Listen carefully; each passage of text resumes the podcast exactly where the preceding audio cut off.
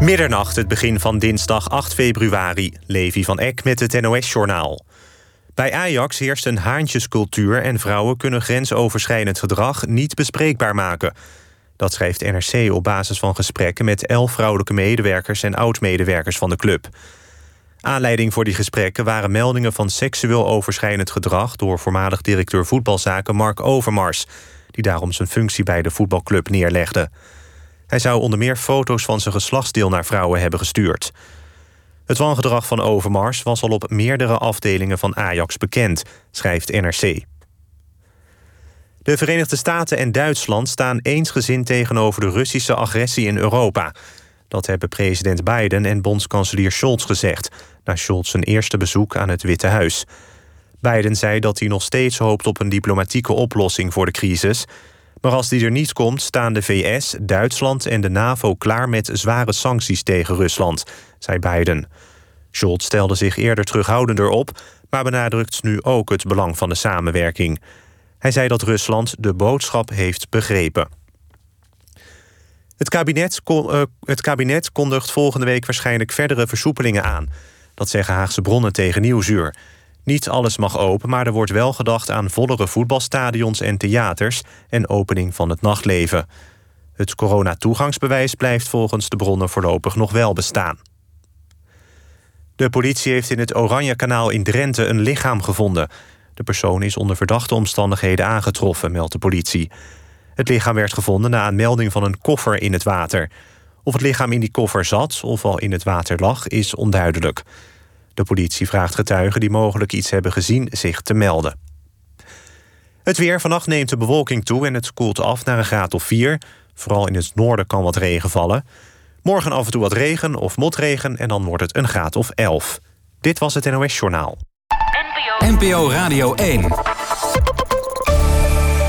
VPRO. Nooit meer slapen.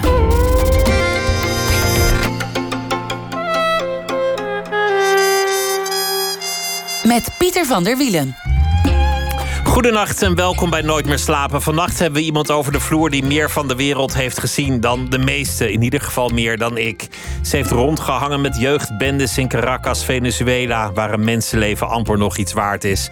Ze zwierf door ondergrondse stelsels in Parijs met mensen die het liefst hun dagen daar in het duister doorbrengen. Ze zocht naar de zin van het bestaan bij Rastafaris, bij goeroes, bij hippies en andere loopvogels. En in andere televisieprogramma's bereidde ze zich voor op haar eigen bevalling. Ze zocht ook naar de liefde. Ze reed op een taxi of was het een Uber. Kortom, Lauren Verster heeft vele levens achter de rug. Ze is terug met een nieuwe reeks. Lauren en daarin duikt ze in subculturen en gemeenschappen. Toyboys in Turkije, grotbewoners in Granada. En Lauren deinst nergens voor terug. Ook niet voor het stellen van die ene lastige vraag. In alle dingen die ze maakt lijkt één vraag onder de oppervlakte te smeulen. Namelijk, wat is dat eigenlijk, een goed leven? Laura Verster werd geboren in 1980. Welkom. Ja, mooi. Dat, dat, lijkt wel een vraag die eigenlijk altijd terugkomt. Hè? Wat is het goede leven? Hoe, hoe doe je dat eigenlijk leven? Ja, waar, en waar? En, en, is het ergens beter? Is, is dat een vraag die je in je eigen programma's legt of herkent? Nou, wel minder dan vroeger. Ik denk dat ik vroeger had ik wel echt uh, uh, nou ja, heel erg onbestemd gevoel, denk ik. Van wat, wat doe ik hier? Of er zijn zoveel mensen op de wereld, wat moet ik er of zo? Zoiets. En wat doe ik hier gewoon per definitie op planeet ja, ja, ja, ja, En dat ik dan ook wel dacht, denk ik, zoekende. Ik, had ook, ik heb heel lang heel druk hoofd gehad, wat ik eigenlijk bijna niet uitgezet kreeg. Dus ik denk dat dat ook wel een reden is geweest dat ik heel erg ben gaan zoeken in van alles en nog wat. Waaronder in dit programma natuurlijk in communities, bij mensen, maar ook in allerlei dingen uitgeprobeerd. Omdat ik dacht dat ik dan daar het misschien wel ging vinden. Wat, wat was dat voor gevoel? Uh, rusteloos? Panikerend? nou, nee, het is niet zozeer paniek, maar ik denk een beetje. Um, wat je vraagt van wat is de, de vraag die eronder zit: van waar is het, is het goed leven, toch? Ja, dat is, ja wat, waar gaat het leven over? Hoe, hoe doe je dat eigenlijk? Hoe, hoe moet je leven? Of waar, waar vind ik het? Zoiets? Ja, dat klopt wel hoor. Uh, dat was de vraag. Voor jou ook? Voor mij zeker, ja, ja, ja. Want je, want je was ook heel rusteloos, toch? Ik, ik, heb, ik heb gehoord dat je een tijd in een hotel leefde, gewoon fulltime. Dat je dacht, nou, ik ben zo weinig thuis, het is goedkoper dan huren. Ja, dat klopt. Nee, ik zat. eh, Nou, het was mijn relatie ook net uit. En ik, ik, ik was verliefd geworden op iemand anders. Dus het was sowieso één grote puinhoop. En ik was overwerkt eigenlijk. En ik had jetlag op jetlag op jetlag. Dus het was eh, totaal. Het was één grote twilight. En toen woonde ik inderdaad in een hotel. En toen dacht ik, nou ja, wat heeft het eigenlijk voor zin om een huis te gaan zoeken? Want ik ben de hele tijd weg. Dus ik kan net zo goed eigenlijk af en toe in dat huis. Dan ging ik op reis. En dan had ik met dat hotel afgesproken. Had ik een kast in de gang. Daar mocht ik dan mijn kleding en mijn spullen in doen. Die deed ik dan op slot. En dan ging ik op reis en dan kwam ik terug. En dan had ik een vaste kamer daar. Maar soms was dat schema bij de receptie dan verkeerd gegaan. Dan zat er iemand anders in die kamer. Dus stond ik midden in de nacht. Kwam ik dan uit, weet ik veel, Singapore gevlogen. Terug van Schiphol naar mijn hotel. Inchecken bleek mijn kamer bezet te zijn. Had ik dus niks. Zaten mijn kleding in die kast. Ja, dan ging ik een vriend of vriendin bellen. Ging ik daar weer heen. Nou ja, echt zo'n. Het was echt. Ja, ook wel die, die tijd was echt wel grote chaos. Ja, Dat is echt Lady en de Vagebond ja dat wat je nu vertelt. Ja, ja, ja. Ja, ja. Maar dat is Ja. gewoon een, plastic tassenfase. Die hebben we volgens mij allemaal wel eens meegemaakt als we weg zijn gegaan of eruit geknikkerd. Ook wel hoge toppen hoor, moet ik zeggen. Want nu, ben ik, nu heb ik twee kinderen gekregen. Ik heb een grote liefde. Ik heb een huis gekocht. Dus ik ben veel stabieler nu. En veel rustiger. Maar ik heb daardoor... Ik had ook wel echt hele hoge toppen. En hele diepe dalen. Ja, ook wel ja. en Dat totale een beetje chaos. samen. Ja. Maakten mensen zich toen zorgen over je? Ehm, nou, ik weet wel dat ik een producer, die eh, Imke, die, die eigenlijk al mijn reizen met mij heeft gedaan. Dat is ook een goede vriendin van mij. Die, die is heel eh, praktisch en natuurlijk van het geld en dat soort dingen. En die zei wel een paar keer tegen mij van ja, Lau, we moeten wel gewoon nu gaan stoppen met dat reizen. Weet je, wat is echt te veel gewoon. Want ik. Ja, ik, ik weet dat ik in de auto zat ook achterin met haar in de taxi. En toen deed mijn creditcard niet meer. Dus ik kon niet pinnen of mijn pinpas. En dan had ik de ABN AMRO gebeld. Toen zei ik, ja, ik zit op het moment in New York. En ik probeer te pinnen, maar dat doet het niet. Dus stootte Imke mij aan en zei ze, we zijn in Tel Aviv. Toen zei ik tegen die vrouw, oh, ik, ik zit in Tel Aviv. En toen zei die vrouw, je was toch in New York? Zei ik, nee, wacht even, we zitten in Tel Aviv. Dus die verbond je door het met raam, de, dacht ik, waar de fuck was ik ook alweer? Oh ja, ik was in Tel Aviv. Ja, dat, dat krijg je natuurlijk als je zoveel eh, reist. En ik, maar ik had ook natuurlijk een liefdesverdriet en alles ging door elkaar. Dus het is, het is niet altijd zo geweest, maar het is wel tekenend misschien. Een extreme vorm van, een extreem voorbeeld van wat wel heel lang was. Totale chaos. Nou ja, wel onbestemd ook wel. Geen basis kunnen vinden. Dus ik, maar ik denk dat dat ook wel in mij zit hoor. En dat ik, dat ik daardoor ook wel echt op zoek gegaan ben. En heel lang ook wel dacht van, oh, als je nu in een community woont, ergens waar het zacht is en mensen veganistisch zijn en een groentetuintje hebben vol biologische tomaten en mediteren en one love zijn, dan daar, dat is waar ik moet zijn of zo. Dus daar ben ik heel veel geweest in dat soort plekken ook. Ook buiten het programma om eigenlijk wel. Maar ook in het programma. Altijd, altijd toch een beetje hippie dingen eigenlijk, hè? Ja, dat voelt me altijd heel erg tot aangetrokken. Ja. Terwijl, terwijl ik ook vrij snel bij het kijken naar je programma's denk van die hippies weten het ook niet. Nee, nee daar die, kom je dan wel achter. Die, die, die hebben, meen ik, door de televisie heen te waarnemen, een douche nodig vaak. Ja, dat vind ik wel meevallen. Want er zijn natuurlijk ook hele knappe, schone hippies. Maar ik vind het idee van het hippiedom in essentie vind ik wel heel mooi. En wat versta je daar dan onder? Eh, dat je uitgaat van zachtheid en eh, dat je eigenlijk leeft vanuit je hart en niet zozeer vanuit een kapitalistisch stelsel waar het gaat om presteren, geld hebben, meer kopen. Eh, maar heel erg terug naar samen iets taken hebben. Niet zozeer dat het over geld gaat, dat niemand meer heeft dan een ander. Lief voor dieren vind ik heel belangrijk. De natuur, dat soort dingen. Dat heeft mij altijd wel heel erg aangetrokken. Maar goed, ik ben ook een beetje van de koude kermis thuisgekomen hoor. Want het is overal hetzelfde uiteindelijk.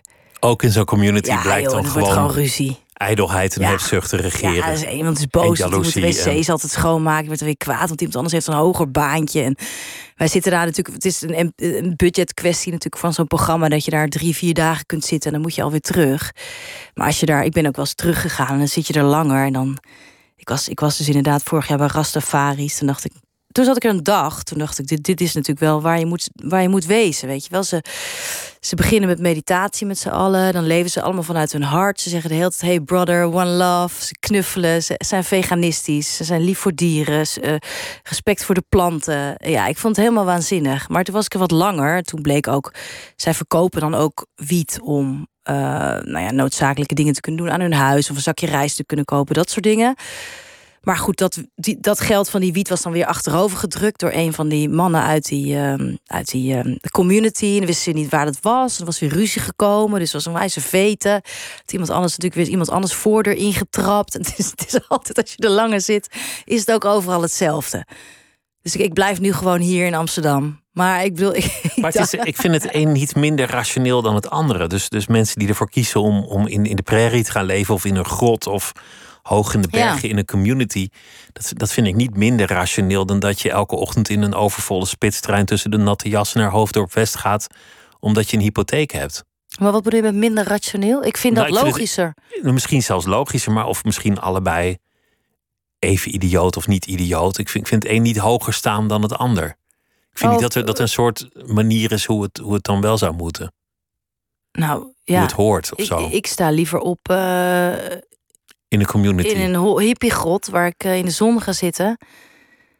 En een muziekje aanzet. En eh, vervolgens eh, met iedereen knuffel. En dan mijn veganistische eigen gemaakte tomatensoep klaarmaak. Dan dat ik hier in de A2 sta, langs de Esso-pomp moet rijden. Om een gare koffie te halen. En vervolgens voor een baas moet werken waarvan ik het geld nooit terugzie. Snap je? Ja, dat, ik snap het. Maar je hebt wel het geluk gevonden, toch, in, in, het, in het gezettelde leven. Ja, dat zeg ik natuurlijk ook heel stoer. Dus zoals ik zei, je komt natuurlijk overal achter dat het, dat, het, dat het wel iets is. En ik ben heel gelukkig. Ik woon op een woonboot met kippen in de tuin en eh, een camper voor de deur. Dus ik heb een beetje het, het, het, eh, de gulden middenweg gekozen. Had je ooit gedacht dat je zoveel rust zou vinden in je leven? Nee. Hoe is, hoe is dat dan gekomen? Ehm, ja, ja, op een gegeven moment was het, was het gewoon eh, te veel, denk ik. Ik heb heel veel afleveringen gemaakt. Dus zoals ik zei, heel veel gereisd, dat soort dingen. Eh, op een gegeven moment wilde ik ook niet meer zo graag weg. Want het is natuurlijk ook dat steeds weggaan... wat, wat ook wel, denk ik, onrustig maakt. En toen dacht ik, nou, er moet iets gaan veranderen. Toen ben ik heel veel gaan wandelen. Eh, maar ik ging dan hele vrijdag, bijvoorbeeld hele vrijdag hield ik dan vrij. Want ik dacht, nou, er moet iets veranderen in mijn hoofd. Want ik, ik was zo onrustig, ook qua gedachten. En ik kreeg gewoon mijn kop niet stil. Eh, en toen ging ik dan ja, soms de hele vrijdag van zeg tien uur s ochtends tot zes uur s middags gewoon wandelen, wandelen, wandelen. En alles wat ik aan chaos had uitwerken. Dan ging ik in Noord-Amsterdam, Holy Sloot heb je dan, door de, door de landerijen, langs de koeien. En dan alles uitdenken. Of, of, of, en ik heb heel veel gemediteerd. eh, ja, ik denk ook ouder geworden, kinderen gekregen, dat soort dingen. Dat heeft het wel gedaan. Maar ik denk dat wandelen ook, en dat doe ik nog steeds elke dag. Gewoon elke dag eh, met een stappentellertje. Nee, ik heb geen in. stapeltellen. Nee, ik begin gewoon echt 's ochtends. Dus nu is het natuurlijk helemaal een hype door de corona. Want iedereen zei, je lijkt wel een bejaarde dat je elke ochtend gaat eh, wandelen. Wandelen is ook zo'n woord, maar ja, het, het, het kalmeert enorm, vind ik. Eh, het, het maakt heel helder voor mij. Toen voor een ander is het stilzitten op een yogakussen. Of dat vind ik dan heel saai. Maar voor ik moet echt dat, die beweging hebben in de ochtend. En dan niet in een sportschool of zo. Maar ik moet gewoon een soort ritmische beweging hebben. En, eh, Om dat hoofd rustig te krijgen. ja, ook helder te krijgen. Ja. Als je dat niet doet, wat, wat gebeurt dan? Ontploft dan de boel? Of, eh, ja, tegenwoordig valt het wel mee. Maar eh, dan ging ik bijvoorbeeld heel veel piekeren. Of ja, gewoon te veel gedachten die over elkaar heen buitelen. zorgelijke gedachten? Ja, ja, ja, kan. Ja, ja.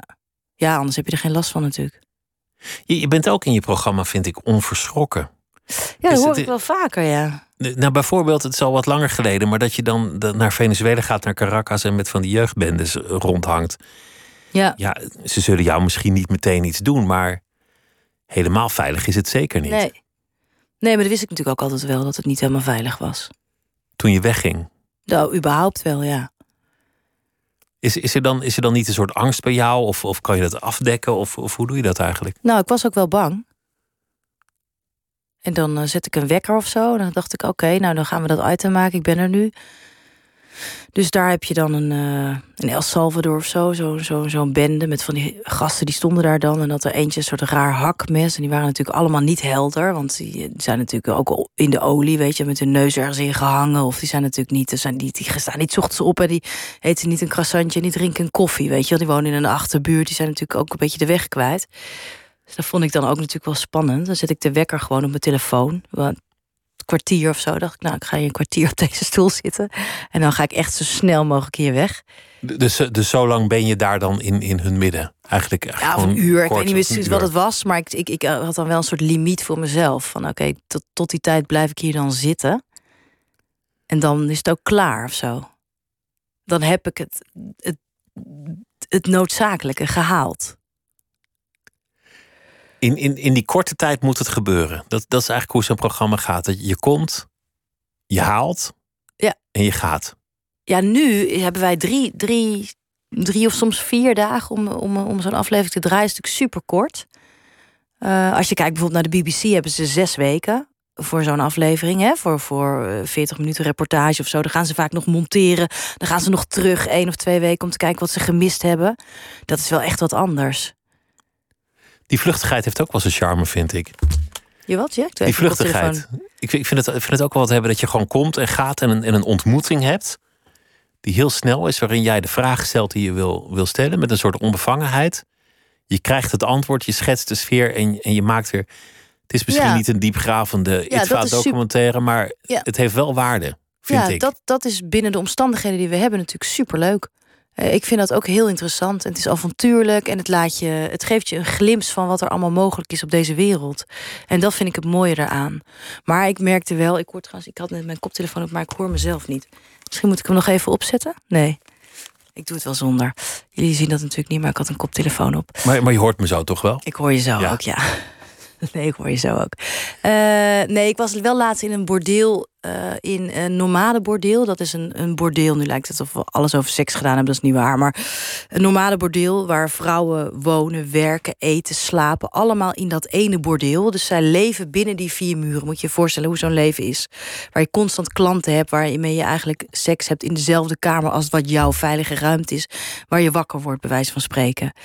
Uh, ik denk dat wij zijn daar drie dagen geweest. Ik heb er denk ik twee dagen over gedaan om hun vertrouwen een beetje te winnen. We zijn daar twee jaar mee bezig geweest, telefonisch al, met research. Ik ook. En toen zijn we erheen gegaan, praten met de grote baas. Weer terug. We kwamen daar, geen enkele vrouw wil meewerken. En na, ik denk na tweeënhalve dag wilden ze allemaal gewoon meedoen. Zeiden ze, oh goed, helemaal goed. Ik loop wel mee, dit en dat. Dan heb je nog maar twee uur en dan moet je alweer terug. Hoe, hoe komt het dat ze dan ineens omgaan? Uh, nou, omdat ik, ik, ik denk dat de meeste mensen willen wel hun verhaal vertellen bedoel, jij weet het ook. Je hebt hier gasten. De meeste mensen vinden het toch leuk om iets te vertellen. En als je oprecht geïnteresseerd bent en niet uh, een vooringenomen rotte insteek hebt bedacht, of weet ik veel wat, of ze niet uh, wil naaien of wil neerzetten als iets wat ze niet zijn, dan vinden ze over het algemeen wel leuk. Maar dat duurt een tijdje totdat ze doorhebben dat het wel oké is. Ze voelen dat je niet echt komt om te scoren of om een karikatuur te ik. maken. Dat denk ik. Dat weet ik ook niet zeker. Maar ik denk omdat het ook echt zo is. Ik, ik, ik denk, ik heb niet. Ik heb wel eens over nagedacht. Van ik, ik heb niet super snel zwart-witte mening. Dat is natuurlijk groot nadeel in de mediawereld, denk ik. Waar je vaak wel wordt gevraagd heel snel om. Oh, wat vind je? Uh, geef het, het antwoord in uh, twee seconden. En als je erover moet nadenken, dan ben je een loser. Weet je wel. Zo gaat het natuurlijk in talkshows. Maar ik heb dat denk ik van nature niet zo. En dat maakt dat ik ook wel meer open kan staan en meer een beetje mee kan deinzen of kan kijken. Of, en dat voelen zij, denk ik iedereen gaat met je mee in die gesprekken. Ja.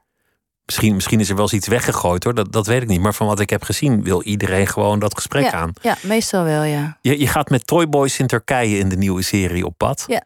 En ja, dat is echt een taboe onderwerp. Niemand wil erover vertellen. Niet de, de vrouwen die gebruik maken van zo'n Toyboy en niet de Toyboys zelf. Ja. Wat zijn het eigenlijk? Zijn het, zijn het nou een soort gigolo's of, of is het iets anders?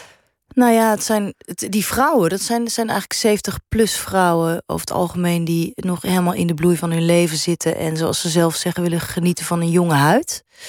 Uh, die een romance zoeken. En die jongens van knappe Turkse jongens van in de twintig, die, die, die gaan met hun uh, een romance aan. Dus het, is, het, het zijn natuurlijk gigolo's omdat er uitwisseling van seks is. Maar het is wel veel meer dan. Het is wel heel anders dan hoe het bij mannen werkt met vrouwen. Namelijk, je koopt gewoon een romance. Ze gaan uit eten, ze worden opgehemeld.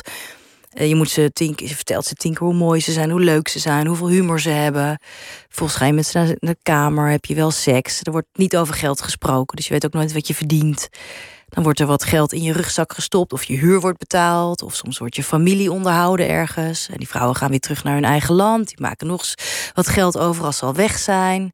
krijg je nog eens een leuk berichtje, leuke foto. Dus het is veel meer, het is veel schimmiger dan, dan, dan andersom, zeg maar. Minder transactioneel op het eerste gezicht. Helemaal niet. Nee, helemaal niet. En dat willen die vrouwen ook niet.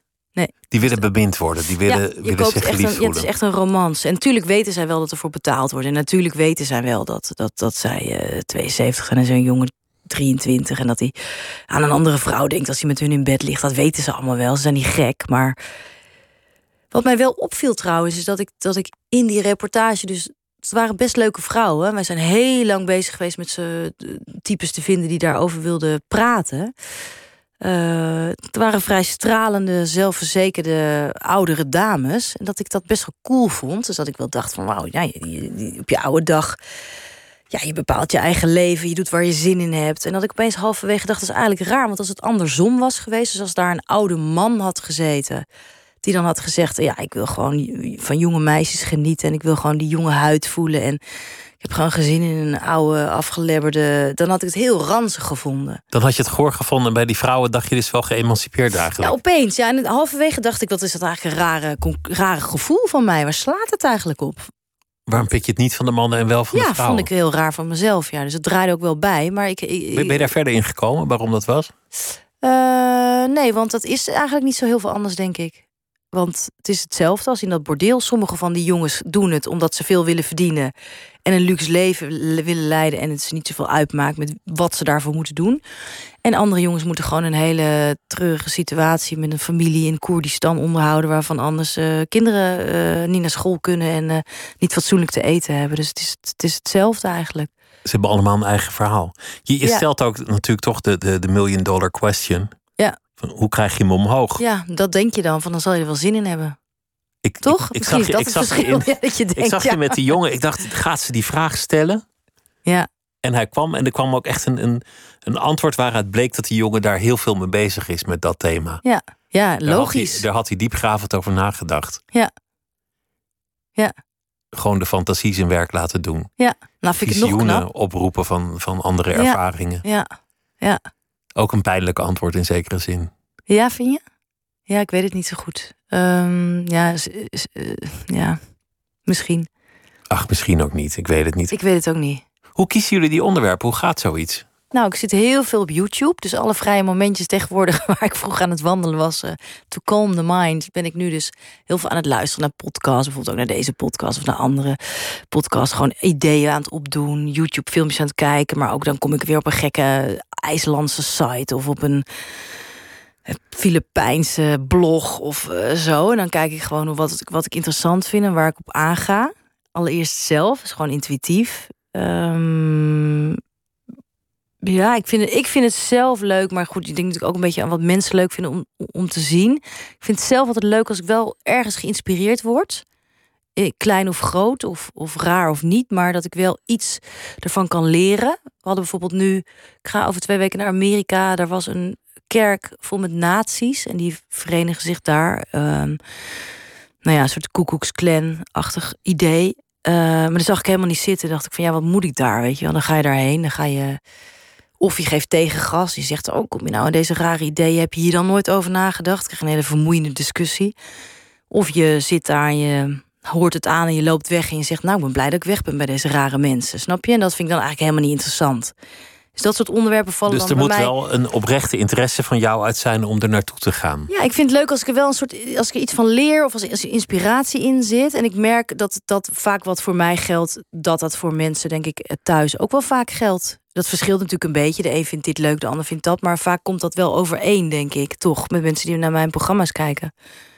Je, je bent bij eh, orthodoxe Joden in Manchester geweest, die, die gekoppeld worden. Bij echt zo'n oude Joodse koppelaarster. Ja. Daar ben je ook bij aanwezig. Dat is natuurlijk grappig om te zien, dat dat een andere manier is dan veel anderen met liefde en huwelijk omgaan. En je gaat geloof ik ook op bezoek bij grotbewoners. Ja. Wat, wat- wat zijn dat? Nou, dat is in uh, Zuid-Spanje, dus dat is uh, Andalusië. Ja, Sacramento heet het volgens mij. Ik weet het, dat is alweer ook. We hebben er bijna anderhalf jaar over gedaan hè, om zes afleveringen te maken vanwege de corona. Dus ik heb al niet zo goed geheugen, maar dit is al best wel lang geleden dat we het Want, want alles werd natuurlijk afgezegd. Ja, ja, ja en, net tickets gekocht, weer gecanceld. Dat was het, het hele ding. Nou, deze mensen, um, ik vroeg mij af, hebben zij het beter voor elkaar dan wij? Want we zitten natuurlijk, nou dan ga je weer over dat thema natuurlijk. Weer, weer dat visioen ja, van de A2 de, en de SO. Ja, in de, in, in, in de file op de A2 langs je vermoeid. Uh, hè, gaar in die auto, werken, werken, werken om die hypotheek te betalen. Dit zijn mensen die zijn gewoon naar een berg gegaan. Hebben daar, een, daar, zijn, daar zitten al grotten in die berg. Hebben die, die, die grot leuk ingericht. En sommigen hebben echt een zwembad erin gebouwd in een keuken. En anderen hebben er gewoon een stoel in gezet. En die zijn daar gaan wonen. Die betalen geen huur. Die betalen helemaal niks. Uh, ja, die wonen daar gewoon. En die zitten lekker in de zon. Die hebben inderdaad een eigen tuintje met uh, tomaten. Die eten wel eens in de middag. En uh, ze hebben vaak een heel klein baantje. Eén dag in de week staan ze op de markt of zo... om bepaalde hele kleine dingetjes te kunnen kopen. Maar dat was het dan wel. Heeft dat op jou dan toch een aantrekkingskracht? Nou, als ik je vind daar dat heel aantrekkelijk, ja. ja. Maar het blijkt natuurlijk elke keer weer dat dat het helemaal niet is. Want het is inderdaad wel zo. Ik, ik sprak een jongen uit Barcelona daar. Hij was bakker in Barcelona. Hij woonde drie hoog achter. Een heel klein appartementje. Hij zei, ik sta heel de dag in die bakkerij dat brood te bakken. Ik, ik kan niks. Ik kan, ik, ik, om, om driehoog achter te wonen, alleen maar werken, werken, werken. Ik had er geen zin meer in. Ik ben hier naartoe gegaan. Met zijn vriendin, lekker, uh, hoe heet het, uh, dingesdansen. Uh, hoe heet het? Flamenco. Flamenco. Ja, dat is mooi. Hartstikke leuk. Leuke buren, zigeuners wonen, die wonen er al, ja, al, al sinds generaties. dat was heel mooi, maar wat je dan wel vergeet... is dat je daar komt de politie ook niet. Je hebt daar geen vuilnisophaalsysteem, je hebt daar geen riool. Dus je zit helemaal buiten de maatschappij. Je wordt ook als outsider gezien. Dus er is ook een hele groep illegale Senegalezen daar komen wonen. Die wisten ook niet waar ze heen moeten. Die mogen daar niet blijven.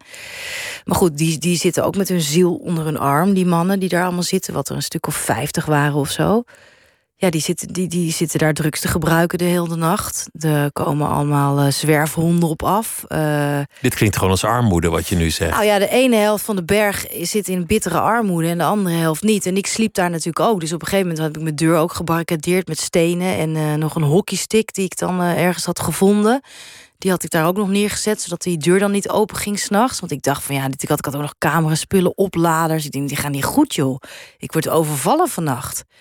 Dus dat is de andere kant ervan. Dus het lijkt natuurlijk heel erg van ja, je dient je sangria in de zon. Maar de. de maar je bent met een crew, toch? Dus de politie Warmoestraat komt ook niet langs als er wat gebeurt, weet je wel? Maar, dus maar jullie, is daar niks. beschermen jullie elkaar dan? Of, of hoe is dat? Nou, die mannen zaten allemaal in een hotel. Oh, jij slaapt er dan als enige? Nou, ik sliep er samen met uh, de producer. Uh, dat wat is ook een vrouw. En wij sliepen daar met z'n tweeën in dat, uh, in dat tentje daar. Ja. Dus dat was ehm, ja, was ja, ook wel. Ja, dat is de andere kant ervan. Daar kwam ik wel een beetje achter. Ik hecht aan comfort altijd. Ik kan dat niet. Ja, maar het was best comfortabel. Toch wel. Het is niet een grot die je ingraaft waar je een matje neerlegt. Hè? Het, is, het is een grot met een bed. En ze hadden een zwembadje buiten. Ik had een keukentje. Er zat zelfs airco in. Het is echt een leuk grotje. Ik had een van de leukste grotjes op die berg.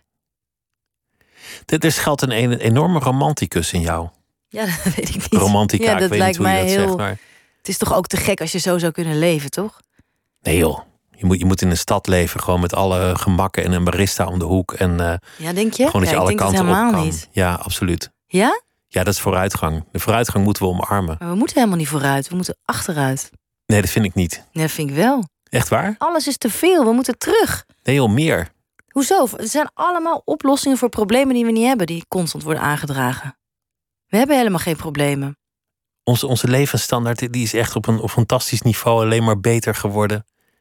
Ja, maar wat we heb moeten je, geen, geen valse romantiek koesteren. Wat heb je allemaal nodig? Je hebt gezondheidszorg nodig, onderwijs. Oké, dat dan moet je nou, dan vooruitgangen. Ja, ja, ja, dat is heel belangrijk. Dingen. Ja, ja, dat, dat heb je goed nodig. Maar voor de rest, ik bedoel, het zijn toch allemaal, word je toch constant dingen wijsgemaakt die je helemaal niet nodig hebt. Een nieuwste iPhone, nog een nieuwe tas, weer nieuwe schoenen. Dat heb je toch helemaal niet nodig? Dat zijn allemaal oplossingen voor problemen die er niet zijn. Nu al die flitsbezorgers, man, dat is helemaal niet nodig. Mensen gingen gewoon naar een supermarkt. Of naar een boer. Toch, toch heb je elke serie heel veel mooie jurkjes aan. Ja, dat klopt. Dat is ook een beetje mijn knelpunt. Elk shot Ja. heb je een mooi nieuw jurkje. nee, dat valt wel mee. Dat valt wel mee. Maar dat is, dat is bijna ook een wonder dat je uit zo'n god komt en, en er dan, dan zo ge- gekleed uitziet. Nee, want in die grot had ik een t-shirt aan en een korte broek. Nee, daar ben ik helemaal afgegleven van mijn, van mijn usual... Daar, daar ging de eh, standaard ja, toch, ja, een beetje, toch een Ik beetje voelde me ook heel omlaag. ongemakkelijk, ja, moet ik zeggen. Want ik vind het dan wel leuk om iets leuks aan te doen. Dus ik had dan natuurlijk wel allemaal leuke kleurige, fleurige bloemendingetjes meegenomen. Maar ik dacht, dit past hier zo niet. Dus ik heb uiteindelijk mijn pyjama aangehouden en mijn... eh, ja. Voor wie het inschakelt, Lauren Verster is hier eh, over haar nieuwe serie Lauren. Ik, ik zag de, de serie van, van een paar jaar terug, waarin je aan, aan de vooravond van je bevalling in de wereld van het eh, baby's bezorgen Ja. dook. Ja. En, en op een zeker ogenblik ga je best wel ver in, in wat je zelf ondergaat. Want, je- gaat een soort zwangerschapstraining aan, waarbij iemand aan jouw bekken zit, Ja. ook van binnenuit, Ja. met een cameraploeg in de kamer. Ja. En, en dan, nou ja, zit iemand in jou terwijl, terwijl er gefilmd wordt. Ja. En dat haalt ook de uitzending. Ja. Is er dan niet een moment dat je denkt: dit gaat te ver, dit, dit, dit Nee. is maar werk. Dit moet ik. ne- Nee. Nee, vond het heb, heel ik- intiem. Ik, heb het wel eens gehad, eh, bijvoorbeeld...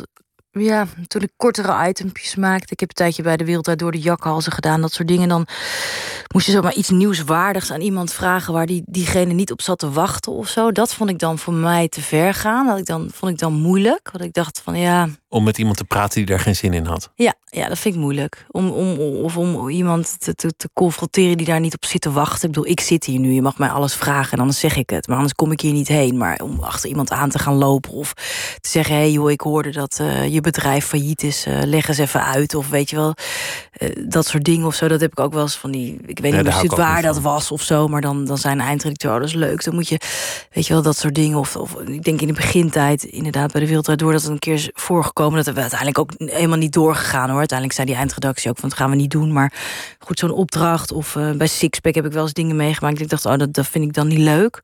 Maar zoiets ondergaan, want dit was dan een tantra-massage. eh, vind ik dan eigenlijk op zich nog wel heel interessant. Dat is dan eigenlijk op dat moment de drijfveer. Dit, is- dit is wel interessant. Ja, wil- ik vind ik dat interessant. meemaken. ja, ja, ja, ja, vind ik interessant om te kijken of dat dan echt wat doet, ja. En je denkt niet: God, er is een, cameraploeg en ik, en, en ik, ik word getantra masseerd. Nee, niet meer. Dus, dus de gêne ben je eigenlijk in ieder opzicht kwijt. Eh, ja, wel tegenover die angst. camera wel, ja. Ja. Ja. Ja. Wist, je, wist je altijd al dat je tv wilde maken? Ehm, ja, ik denk het wel, maar ik heb geen idee waarom eigenlijk. Dus ik was 16, toen ging ik al bij de lokale omroep werken in Den Bosch. Nou, dat is echt een soort, eh, met alle respect, hoe heet dat ook weer? eh, dat, Radio Bergijk? Ja, van VPRO. Fantastisch. Heel maar met van die ja. piep, piep, piep, vingertjes door het nieuws heen en zo. En dan nieuws, eh, weet ik van wat, eh, huis in eh, Awijken is, eh, dak is ingestort. Dat soort dingen. Dan moest ik dan nieuws maken en eh, programma's bedenken. Ik liep dan ook echt als stagiair rond en zo. Dus ik, ik ging dan wel echt, echt kijken. Maar ik heb daar toch wel de allereerste basisbeginselen van het monteren geleerd. Klein beetje gekeken hoe dingen werkten. Toen ging ik naar Amsterdam verhuizen. Ik wilde eigenlijk wel heel graag bij televisie. En ik wist ook niet hoe ik daar kwam. Want allebei mijn ouders zijn biologieleraar. Ik ken helemaal niemand. Ik kende helemaal niemand in Hilversum. En niet in Amsterdam. Dus ik dacht, hoe ga ik daar belanden? Ja, ik wilde dat heel graag. Ik, ik, ik weet niet zo goed. Het is een beetje intuïtief gegaan. Dus ik, ik, ik kan niet Want je, zo je goed... hebt communicatiewetenschap Ja. gestudeerd. Ja. Maar volgens mij heb ik ook wel echt gedacht, nou weet ik eigenlijk wel zeker, laat ik iets gaan studeren. Dan heb ik daarnaast de tijd om te kijken hoe ik dan reportages kan gaan maken bij televisie. Dus ik heb gewoon iets gekozen. Wat, ik heb daar ook niks aan gehad. Wat had je in je hoofd? Waar- naar wie keek je? Nou, ik heb een tijdje wel een beetje naar Frans Bromet gekeken. Dat vond ik dan wel heel cool. Nu zou ik dat niet meer willen, maar toen, toen vond ik dat wel heel to- tof. Die ging dan zelf filmen en dan ging die dan zo'n huis binnen en dan allemaal van die Achter de camera vragen stellen. Ja, dat, dat zoiets. En dan had je de achtste dag, was volgens mij ook van de VPRO. Weet je dat nog of niet? Nee, die weet ik niet meer. Nou, dat is ook echt een beetje in die tijd. En er was dan ook een team wat dan zelf uit. ehm, Stef Biemans, ken je die? Ja? Ja, die komt volgens mij van de achtste dag. En, en Anne-Loor van Heemstra en dat soort... Maar het zijn veel meer programmamakers geworden uiteindelijk. Nou, Stef heeft natuurlijk, maakt natuurlijk ook reportages. Maar ja, zoiets had ik denk ik in gedachten. Maar eh, ja, zie er maar eens te komen natuurlijk. Dus ik had geen idee hoe. Dus ik ging bij het zendertje van de UvA, van de universiteit. En dan kregen we dan volgens mij 6000 gulden per jaar of zo. Of per maand. Ik weet het niet eens, maar per jaar denk ik zelfs. Het programmabudget was dat. Ja, en dan moest je elke week een uur vullen. En dat kwam dan op Salto. Dus dan heb je AT5, is dan de zender van Amsterdam. En Salto was dan echt, daar, werd, daar werden alle eh, minderheidsgroepen, eh, aparte dingen, eh, kunst, ja, gewoon hele lokale Surinaams koken tot aan eh, een klein museum wat zendtijd eh, zocht. Eh, daar zaten wij dan ook tussen. En, dan, En wat voor items maakte je dan? en dat deed ik de bakfiets jarenlang. En dan ging ik dan rondfietsen in een bakfiets met een gast. En die ging ik dan interviewen. En Al dan ging fietsend door Amsterdam. Ja, al fietsen door Amsterdam. Of ging ik mee naar binnen. Met ja, ook een beetje dit soort onderwerpen als wat ik nu deed. Alleen dat ik natuurlijk ook geen researcher. Dus, dus dat was dan natuurlijk allemaal een beetje houtje touwtje. Maar dat was wel een beetje, een beetje de bedoeling dat het zoiets werd dan. Maar dat is eigenlijk de essentie van, van tv maken in zekere zin. Camera, ontmoeting, zien wat er gebeurt, toch? Ja, nou, en een hele goede research is denk ik ook wel echt essentieel. Dat je weet wat je komt halen. Ja, en dat, want dat merk ik nu. Want ik, ik, ik, ik, probeer nu.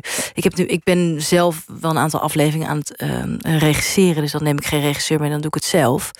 Eh, wat ik heel tof vind, maar ik kom er nu wel achter. Soms denk ik, oh, dat doe ik ook wel even aan de voorkant dan. Want ik bedenk nu altijd die onderwerpen al jarenlang zelf. Ik denk van, oh, dan ga ik nu wel helpen met de research. Nou, eh, daar kom ik wel even achter hoor. Dat dat eh, is echt, dat is gewoon, ja, daar, dat is echt gewoon, ja, snoeihard werken. Gewoon urenlang bellen naar mensen. En eh, ik ben dan toch dan in die zin nog wel makkelijk. Dat ik denk, nou ja, weet je, die man die kan. Die woont in Zuid-Spanje. Daar is hij om twee uur. En te Bedemeek rijden we wel heen.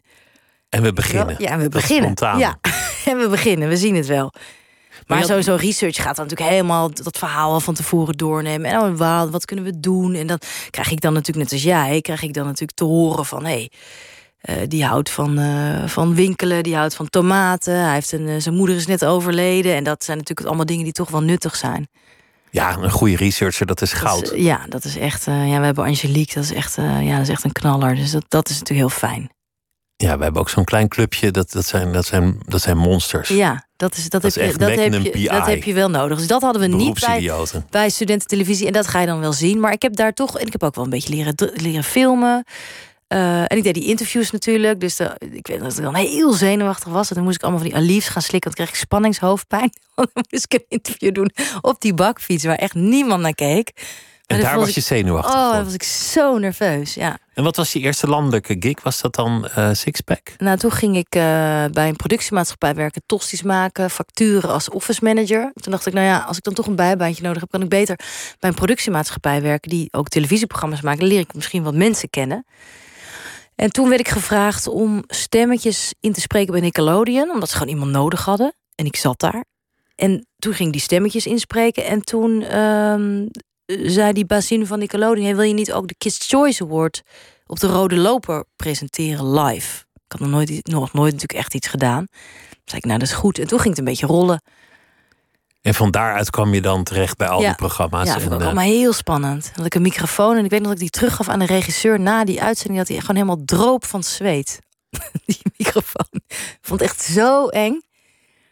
Ja, en nu heb je geen angst meer. Nu Nee. kan je een tantra-massage ondergaan en Ja. ben je niet meer bang voor die camera, nee. niet meer bang voor het publiek. Ja, mensen, ja, dat weet ik niet. Ja, mensen zeggen het wel altijd dat, ik, dat het inderdaad onverschrokken is. Ik, ik voel mijzelf niet zo, maar ik denk dat ik, ik heb niet zozeer een sociale.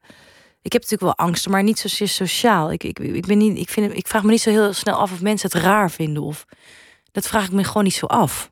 Of het wel aangepast is, dat nee, is niet iets wat leeft. niet af. Nee, Daar, daar ben je toch hippie in dan, ja, waarschijnlijk. een beetje. Nee, ik Ja. vraag me niet af wat mensen daar dan van vinden. Of dat ze iets een vraag raar vinden. Of dat, dat komt gewoon niet in mij op. Heb je andere angsten met, je, met betrekking tot je werk? Eh, nee, met werk niet zo, nee. En daarbuiten wel? Ja, Wat voor, wat voor vrees is dat? Want, want je noemt het een aantal keer van onrust, zorgen, zorgelijke gedachten die terugkomen. Ja, gewoon de, de grote vragen van het leven misschien. Van eh, waarom, waarheen, dat soort dingen. Heel on- ongrijpbare dingen, ziek worden. Eh, gewoon dat je dan later niet op kan schieten met je kinderen. Weet je wel, dat soort dingen. Maar ook van die angst waar je niks mee kan. Het is ook helemaal niet tastbaar. Ja, misschien kan je dan later krijgen ruzie met je kinderen. Ja, ja dat duurt al nog twintig jaar, weet je wel. Ik kan er niks mee. Zijn allemaal van die angsten waar ik niks mee dat, dat heb je eigenlijk niet in de hand natuurlijk. Nee, het is of je allemaal van kinderen die jou ook die- aardig vinden, uiteindelijk. Eh, nee, dat, dat, dat, dat soort angst heb ik meer, ja. Niet, niet, niet zozeer met werk of zo. Minder. Of, of als ik nu eh, eruit gegooid word of zo, dan... Ja, heb ik liever dat ik het opzeg voordat zij het zouden opzeggen. Bijvoorbeeld bij de NPO, dat dan wel. Maar mijn wereld stort ook niet in. Ga ik iets anders doen. Komt wel weer goed, Dat denk ik, ja. die, die houding. Maar, maar de, de meer, meer existentiële vraag. Het is eigenlijk gek dat, dat dat niet bij heel veel mensen speelt. Vroeger had je dan Ja. vaak nog een soort religieus kader van, nou ja, er Ja. is, een, is een schepper en een hiernamaals en, Ja. een, en een laatste oordeel of weet ik wat. En we zijn natuurlijk een beetje Maar in een soort mysterie terechtgekomen. Maar je moet gewoon blokken, de hele tijd blokken als mens. Want die, want die vraag achtervolgt je wel, waar, waartoe dient het leven? Nou, het, het- ik ik bedoel, als je een beetje eh, ogen hebt en je kijkt om je heen, klopt er natuurlijk allemaal helemaal niks van in de wereld waarin wij zitten. Is gewoon, eh, het is ook prachtig en fantastisch, maar het is natuurlijk ook heel vreselijk. Hard, Ja, onrechtvaardig, ik vind het echt niet te doen. meedogenloos. Ja, toch? Ja. En iedereen blokkeert dat natuurlijk maar, want anders kan je ook niet leven. Ben je, ben je dan niet heel makkelijk te verleiden voor allerlei eh, nou ja, alternatieve stromingen en filosofieën en, en goeroes en dat soort dingen? Is dat, is dat iets in jouw bestaan? Eh, nou, had ik wel minder, want ik ben natuurlijk, zoals ik net al zei, inmiddels wel een beetje door de wol geverfd. Want ik heb zo ongeveer alles gedaan wat je kon doen. Van ayahuasca tot kikkerlikken tot wat wat ik nou wat ik la, la- Wat is laatst- kikkerlikken? Ja, dat je dan zo een kikker likt en dan zit dan een soort gif in en dan ga je ook van hallucineren en nou ja, dat soort dingen. Eh, wat had ik nou laatst? Oh ja, human design. Dat was dan op Ibiza. Dat is dan nou weer iets, dan voeren ze iets in in de computer en dan komt er helemaal uit wat je moet doen in je leven. Nou, het is allemaal, ja, ik geloof er eigenlijk ook helemaal niks van. Maar eigenlijk misschien ook wel, ik weet het niet. Ik vind het een beetje in, ja. En op YouTube, want je, want je zit veel op YouTube, toch? Dat, dat zei je net. Ja. Kijk, kijk je dan ook heel veel naar, naar eh, allerlei filosofieën en. Ja. Ja, dat vind ik altijd wel leuk, ja. Dan kijk ik. eh eh, ja, Jezus, jij doet mij helemaal een soort wappiehoek in nu. Eh, nee, ja. eh, eh, nee, daar kijk ik wel naar. eh, hoe heet dat? Eh, eh, bijvoorbeeld. Weet je, naar monniken en dat soort dingen. Dat is dan een beetje mijn ideaalbeeld van een, van een mens. Waar ik volledig niet aan voldoen, natuurlijk. Maar Een soort Tibetaanse monnik. ja, dat vind ik dan heel eh, mooi. Ja, die dan eh, één missie in zijn leven heeft. En dat is het lijden zo klein mogelijk maken. Wat hij aanricht. Denk ik van ja, dat is natuurlijk wat je moet zijn. Volgens gaat alles weer mis bij mij. Wat ik daarvoor doe, doe ik het helemaal niet. Maar bedoel dat. Want dan zou je veganist moeten worden en, en, en Ja, de auto de deur uit doen. En, Ja. En eh, lief zijn voor iedereen. En de hele dag op straat mensen helpen. En, eh, maar ik denk ergens diep in de kern denk ik wel van ja, dat is natuurlijk wel waar we het een beetje naartoe moeten met z'n allen. Dat we geen leed aanrichten. Ja, tuurlijk, zo min mogelijk. Ja, ja, ja. Ik weet, niet of dat, ik weet niet of dat is waar je naartoe moet. Ik denk je leeft, dus je, dus je richt leed aan per definitie. Je bent geboren, kan je zelf ook niks aan doen. Moet je, moet je ja, het maar, denk je? ja, dan moet je het gewoon even een klein beetje leuk maken. Wel binnen bepaalde grenzen natuurlijk. Je kan het overdrijven. Maar ik oh denk, nee, ik vind dat te makkelijk. Want dan, dan heb, je, heb je helemaal niks aangericht en dan ga je weer dood en dan. Nou, nu heb je het wel aangericht. Kijk, want ik ben ook de hele tijd aan het, aan het stoeien met dat vlees eten. Want dan denk ik op een gegeven moment van, nou ja, oké, ik, ik, ik eet geen eh, vlees meer. Nou, dan ga ik helemaal op vis op zoek. Denk, oh, vis is eigenlijk nog erger, want wat wij met vissen doen, dat kan echt niet. Nou, dan schap ik dat ook. Denk ik, nou ja, nu heb ik helemaal in die eierenwereld gedoken. Nou, daar zit ik dan ook helemaal op YouTube allemaal over te kijken. Nou, al die haantjes gaan door de shredder, hè. Ze, die, ze houden alleen maar die vrouwtjes over. Al die mannetjes gaan gewoon echt door een shredder. Dat is, dat is iemands werk om, om ze te selecteren. Ja, ja En- ze gaan gewoon door een papierversnipperaar. Ik denk, nou, dat vreet ik ook niet meer. Nou, die melkindustrie is al helemaal eh, verrot. Want dan worden die kalfjes worden gewoon weggehaald meteen bij de moeder. Terwijl die beesten hebben ook gewoon een binding. Hè, met. Die zijn ook helemaal door de war. Wij mensen gaan daar volledig aan voorbij. Dus dan denk ik een tijdje, oké, nu word ik veganist. Ga ik op reis. Is er niks behalve kip met friet. Dus eet ik twee dagen alleen maar friet. Dan heb ik het er natuurlijk ook niet meer voor over. Denk ik, ja, ik ga een beetje alleen maar friet eten. Of wordt al die kip die ze hebben daarna in de prullenbak gegooid. Denk ik, had ik het net zo goed kunnen opeten. Gaat het weer helemaal mis. Dan ben ik een soort ex-roker. Dan denk ik, ja, nu is het toch al misgegaan. Nu ga ik ook maar spareribs bestellen. Weet je wel? Dus dan klap ik weer helemaal door. En dan schroef ik weer terug. Kijk weer naar monnik. En dan begint het weer. bestel ik dat- weer even op Zalando. Bestel ik dan nog een paar eh, dingen. En dan voel ik me volgens weer schuldig over. Dan ga ik weer monniken zitten kijken. Kijk, dat, dat is nou een rusteloos leven. Ik vind het trouwens altijd wel een grappige redenering Ja. van mensen die dan een tijdje geen vlees eten. Of een tijdje iets anders niet doen. En dan één keer zondigen en daarna weer terug zijn. Ja, Want als je dat met alle zonden zou doen. Dus stel je liegt een keer. Een leugentje. ja. Dat je zegt van, hé, wat zit je haar leuk. Dan denk je, ja, nu heb ik gelogen. Nu ga ik de rest van de dag alleen maar liegen. Ja, dat doet dat verbod natuurlijk, wat je jezelf oplegt. Ja, dat doet het. Want ik, ik vind dan dat ik dat. Mijn geest vindt dat ik dat niet mag doen. Maar het gemak vindt dat wel natuurlijk. Ik ga trouwens een hele, mis. een hele maand geen vlees eten. Maar dat komt omdat ik naar die serie van jou heb gekeken van dat bevallen. En Oh. daar wordt op een gegeven moment wordt, wordt daar een placenta in beeld gehouden. Ja. En, en dat, dat lijkt gewoon op een soort entrecote eigenlijk. Ja, het is echt super smerig. En, en toen dacht ik, ja, dit is. Ik zie eigenlijk met het blote oog niet meteen het verschil tussen iets wat, wat je bij de slager koopt en wat hier nu in beeld wordt gehangen. Maar je kan beter die placenta eten eigenlijk, want die was Ah. over. Ja, in, in die zin, daar is niemand voor gestorven. Nee. Ja, nu ben ik, nu ben ik helemaal een maand vegetariër Ja, trouwens. Precies. Nee, maar die, die, dus dat, ik zit een beetje, nou, dat, zo, die cirkel herhaalt zich dan de hele tijd, zo zeg maar. Begin ik weer van voren af aan. Ik zie het ook zelf wel hoor, maar goed, het blijft Ook al gewoon. met enige zelfspot. ja, ja, dan denk ik, nou, dan gaan we weer. Ja, of ik zet het op mijn hand dan, dan schrijf ik iets erop. Zo van om mezelf aan te herinneren, gaat weer drie dagen goed, gaat het weer mis, gaat het weer mis. En dan elke keer diezelfde, dezelfde riedel in mijn hoofd. Maar laatst zei iemand tegen mij, iedereen heeft de hele tijd dezelfde riedel in zijn hoofd. En dat houdt waarschijnlijk je hele leven nooit op. Ik weet niet of jij dat ook hebt. Een riedel in mijn hoofd. Ja, dus heb jij Ja, een maar- soort maar niet- van niet een heel discussie groot, met jezelf, de hele tijd ja, over ja. hetzelfde. Ja, dat wel, maar, maar niet zo'n heel schuldige stem van je mag dit niet of je moet stoppen met dat. Of, eh, Nee, precies. Dat- dat- nee. nee. maar het kan natuurlijk ook verschillen in wat het is. Ja, zeker. Maar dat je, dat je als mens vaak toch je hele leven hetzelfde eh, cirkeltje draait. Om een bepaald onderwerp of om een bepaald thema heen. Maar het is eigenlijk een hang naar perfectionisme, naar het, naar het goed doen, naar dat ene leven niet verprutsen. Naar het zijn van een goed mens, Ja, denk het ja. van het leven overeenkomstig principes. Ja. Het streven naar een nog betere versie van jezelf. Ja, zoiets ja. Ja. Maar dat kan je natuurlijk op vele manieren doen. Betekent succes veel voor je? Ehm, in de zin van een televisier winnen, dat Ja, zoiets? ja, de televisiering, de, de, de kijkcijfers, Nee. de, de, de juichende recensies. Nee, nee, niet de cover van de Linda, god weet wat. Nee, nee, niet zo. En al helemaal niet meer. Was vroeger wel ietsje meer misschien, maar ook niet echt. Nee, ik heb dat niet zo. Nee, ik vind gewoon, ik, ik wil wel heel graag dingen creëren. Want ik heb ook wel eens gedacht, moet ik iets anders gaan doen? Je hebt maar één leven, misschien moet ik nog een tweede carrière. Dacht ik, word ik acupuncturist? Nou, dat, eh, dat had ik uitgezocht. En dacht ik, nou ja, toch maar niet dan. En toen dacht ik, nou, dan word ik huidtherapeut met zo'n laserding. Zag ik mezelf al zo'n ding, zo'n studio beginnen. Was het ook niet. En toen merkte ik wel door, door al die studies heen... dat ik dan, ik blijf toch bezig met verhalen vertellen. Daar zit het toch gewoon ingebakken. Dat ik toch dan... Daar moet zoek- je toch terugkeren uiteindelijk. ja, dat denk ik, ja. Dus ik denk, als ik dit niet zou doen, zou ik gaan schrijven... of word ik regisseur. Of ik denk, ik denk toch dat dat steeds, dat, dat zo creëren van een verhaal... wat dan af is en wat je dan de wereld ingooit... dat dat, dat, dat steeds zal blijven, denk ik. Jouw programma's zijn, eh, zeker toen je bij Veronica zat, voor, voor een groot publiek. Dus, Ja. dus je gaat er ook niet een soort eh, heel diepgravende documentaire van maken. Want dan, dan maak je het voor een andere doelgroep. Er kwam op een gegeven moment ook kritiek toen je over Ibiza had gemaakt. Ja. Toen zeiden mensen van ja, nou, ik zit alleen maar naar vakantiegangers te kijken. Ja. Waar is de beef? Krijg ik Mhm. nog wat? Ja, was ik wel een beetje terecht hoor.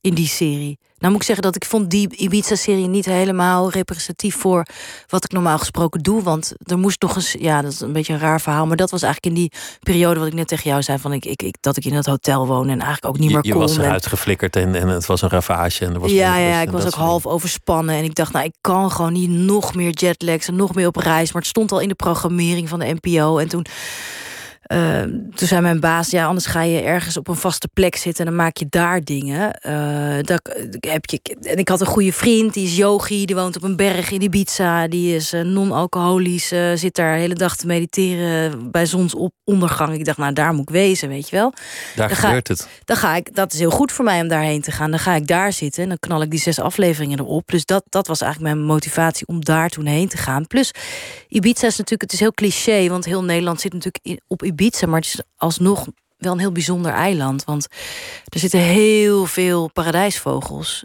Maar het, het, het ding was dat, je- dat, dat die mensen waren allemaal wel interessant en mooi en, en ja, ja, ja. best wel bonte vogels. Ja. De vragen die jij stelde waren eigenlijk ook, vond ik heel interessant en heel leuk. Want het ging, ging over wat is vrijheid, wat is een goed leven, hoe, hoe Ja, richt je je bestaan in, welke keuzes hebben gemaakt wie je nu bent. Maar de, op, de oppervlakkige antwoorden die Van- stel- van van, die, die me- mensen stelden teleur. Ja, het is natuurlijk best wel lang geleden dat ik deze gemaakt heb. Hoef ook niet helemaal uit te spitten hoor. Maar dat kan natuurlijk toch gewoon gebeuren dat je ergens heen gaat en best wel leuke vragen hebt. En dat mensen gewoon eigenlijk in een soort hedonisme verzanden waar gewoon geen antwoord komt. Nou, eigenlijk niet, denk ik. Dan heb je niet de goede persoon en dan moet je eigenlijk doorzoeken. Oh ja. denk ik. toch? Ik, ik, ik beschouw de, die Ibiza-serie ook niet als, als een soort van super representatief of hoogtepunt uit de dingen die ik gemaakt heb. Maar ik denk als je mensen Nou ja, hebt ik die heb ook op- heel veel geflopte programma's Nou ja, nee, maar als je dus mensen ja. hebt die, die te oppervlakkige antwoorden geven, dan moet je eigenlijk natuurlijk doorzoeken. Dan zit je niet bij de goede personen, toch? Tot, tot de yogi wel op de berg blijkt te zitten. Ja, ik denk het eigenlijk wel. Of dan is dat je conclusie van hé, iedereen is hier hedonistisch bezig en eh, ze doen allemaal heel erg eh, inhoudelijk, maar daar zijn ze niet. Nee, want als je doorvroeg, was het gewoon een lekker pilletje erin en de zon schijnt. Ja. Ja, is dat zo? Nou, ja, volgens mij was dat niet. Nou ja, misschien maak die zaten ertussen, die zaten ertussen. Maar volgens mij waren daar best wel veel mensen met echt een heel verhaal. die uiteindelijk op zo'n eiland waren gaan wonen. En die heel erg natuurlijk in dat spirituele circuit zaten met z'n allen. En daar enorm op zoek waren naar van alles en nog wat. Eh, wat op zich ook wel weer. eh, ja, dat vond ik wel interessant. Ver- veranderen jouw programma's nu je meer rust krijgt in je leven? Nu je, nu je zelf volwassener wordt misschien Ja. of, of ouder? Ja. Merk je dat je andere programma's maakt? Ehm, nou, ik ben sowieso kritischer, denk ik, op wat we gaan doen. Maak ik andere programma's? Nou ja, uiteindelijk is dit programma natuurlijk nog steeds het programma wat het altijd is: dat ik een community induik of een gezelschap of een wereld om te kijken hoe het eruit ziet. Eh, Ik denk wel dat ik zelf meer rust heb om me om, eh, niet, niet zozeer letterlijk voor te bereiden, om, om die, die persoon dan helemaal te gaan googlen en dat soort dingen, maar wel om me meer voor te stellen hoe zo'n leven is, of wat ik daarvan vind, of ik dat anders zou kunnen zien. Dat dat er misschien meer is, denk ik. Ja, jouw beide ouders zijn biologieleraar, zei Ja. je. En, en die zijn ook nog bij elkaar. Ja. En, en jouw vader die, die heeft op een zeker ogenblik een bloeding gehad. Ja. Op relatief jonge leeftijd. Ja, ik was echt 22 of 23. Mijn vader, denk ik, 59.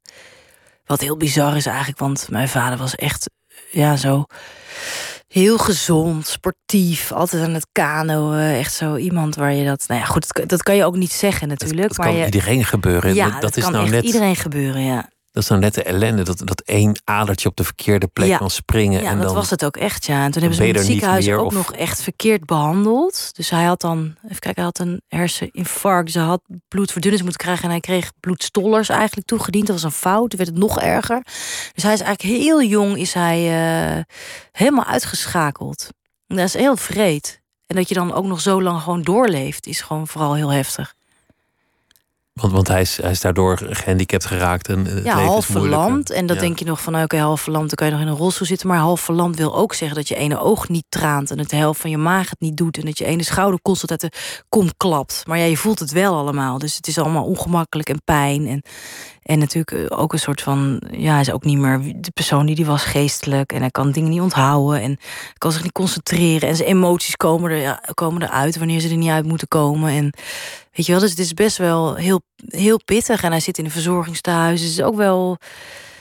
Ja, ik, ik, ik weet soms ook niet zo goed wat je, wat, wat je daar dan nog doet in zo'n verzorgingstehuis, als ik heel eerlijk ben. Wat, wat zit je daar nog te doen? Waarom je nog leeft dus eigenlijk. Ja. Wat, wat, heeft dat met jou gedaan? Hoe heeft dat jouw leven veranderd om dat zo van nabij mee te maken?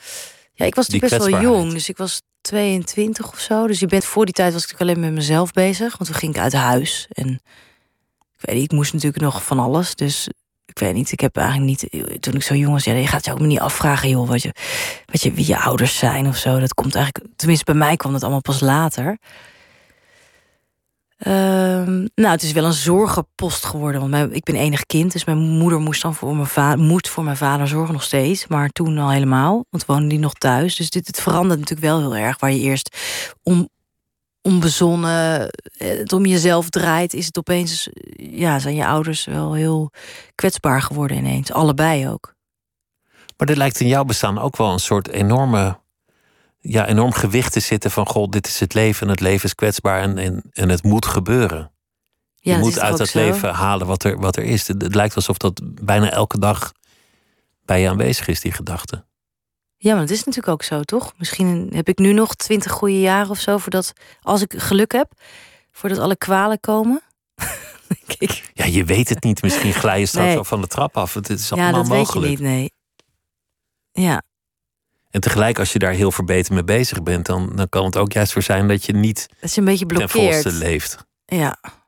Ja, maar ten volste leven. En dan, dat, dat, dat, dat zei jij dan, dat vind jij misschien hippieachtig, maar is uiteindelijk toch, gaat denk ik toch om je zintuigen en om, om zien dat de bloemen bloeien en de wind op je huid voelen en, en je kinderen horen en je de aanraking voelen en vertragen. En da daar zit voor mij echt de volheid van het leven, eigenlijk nog meer dan wat dan ook.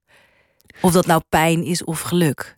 Maar dat is wel interessant dat je zegt, want dat zou je dus ook wandelend in Noord kunnen ervaren. Ja. En daarvoor hoef je niet naar Venezuela Nee. of naar, naar, naar god weet welk ander land. Nee. Je hoeft niet twaalf uur te vliegen om bloemen te ruiken.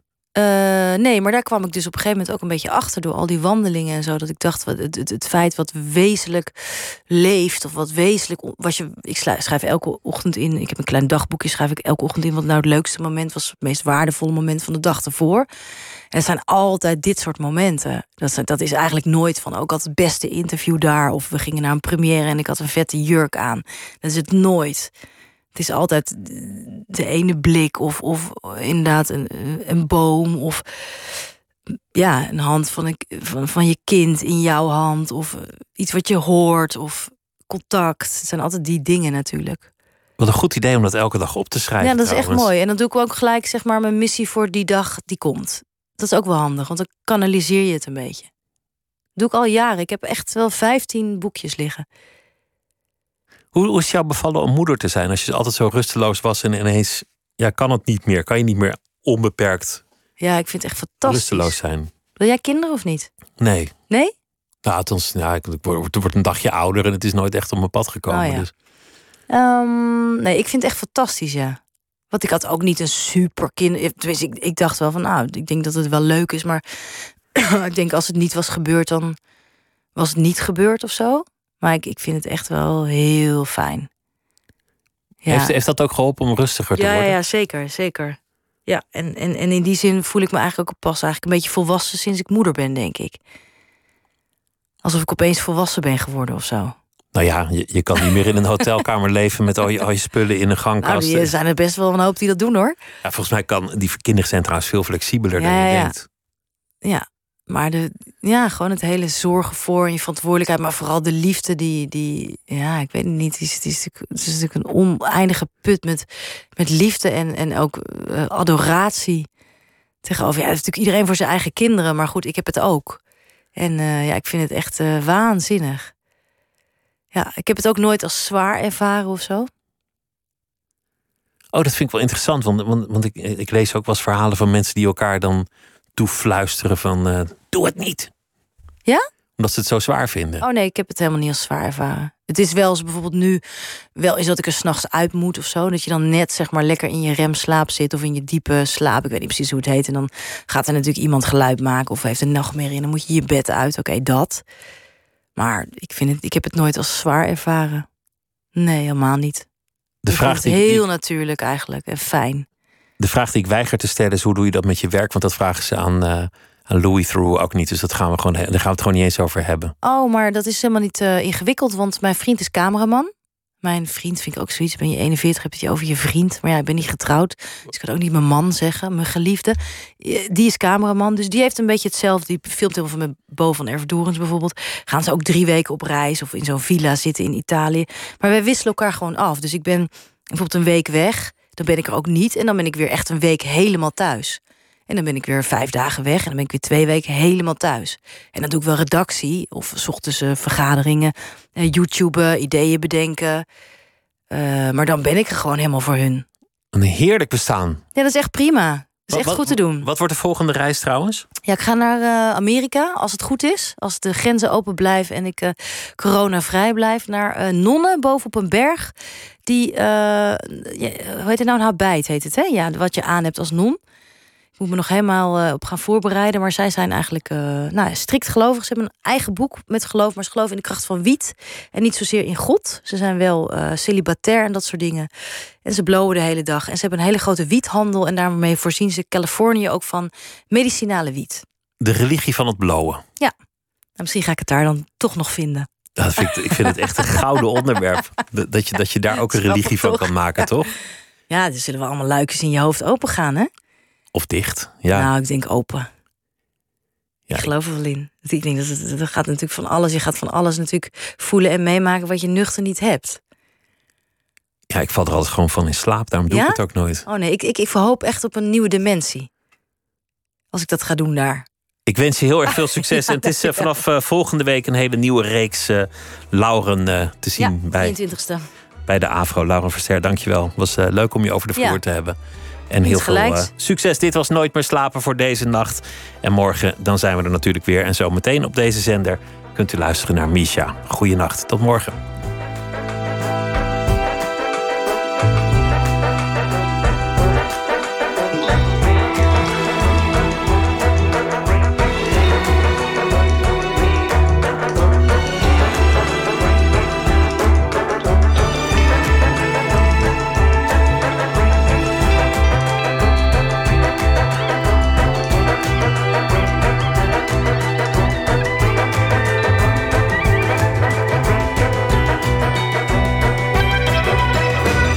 NPO Radio 1. Wie luistert, weet meer.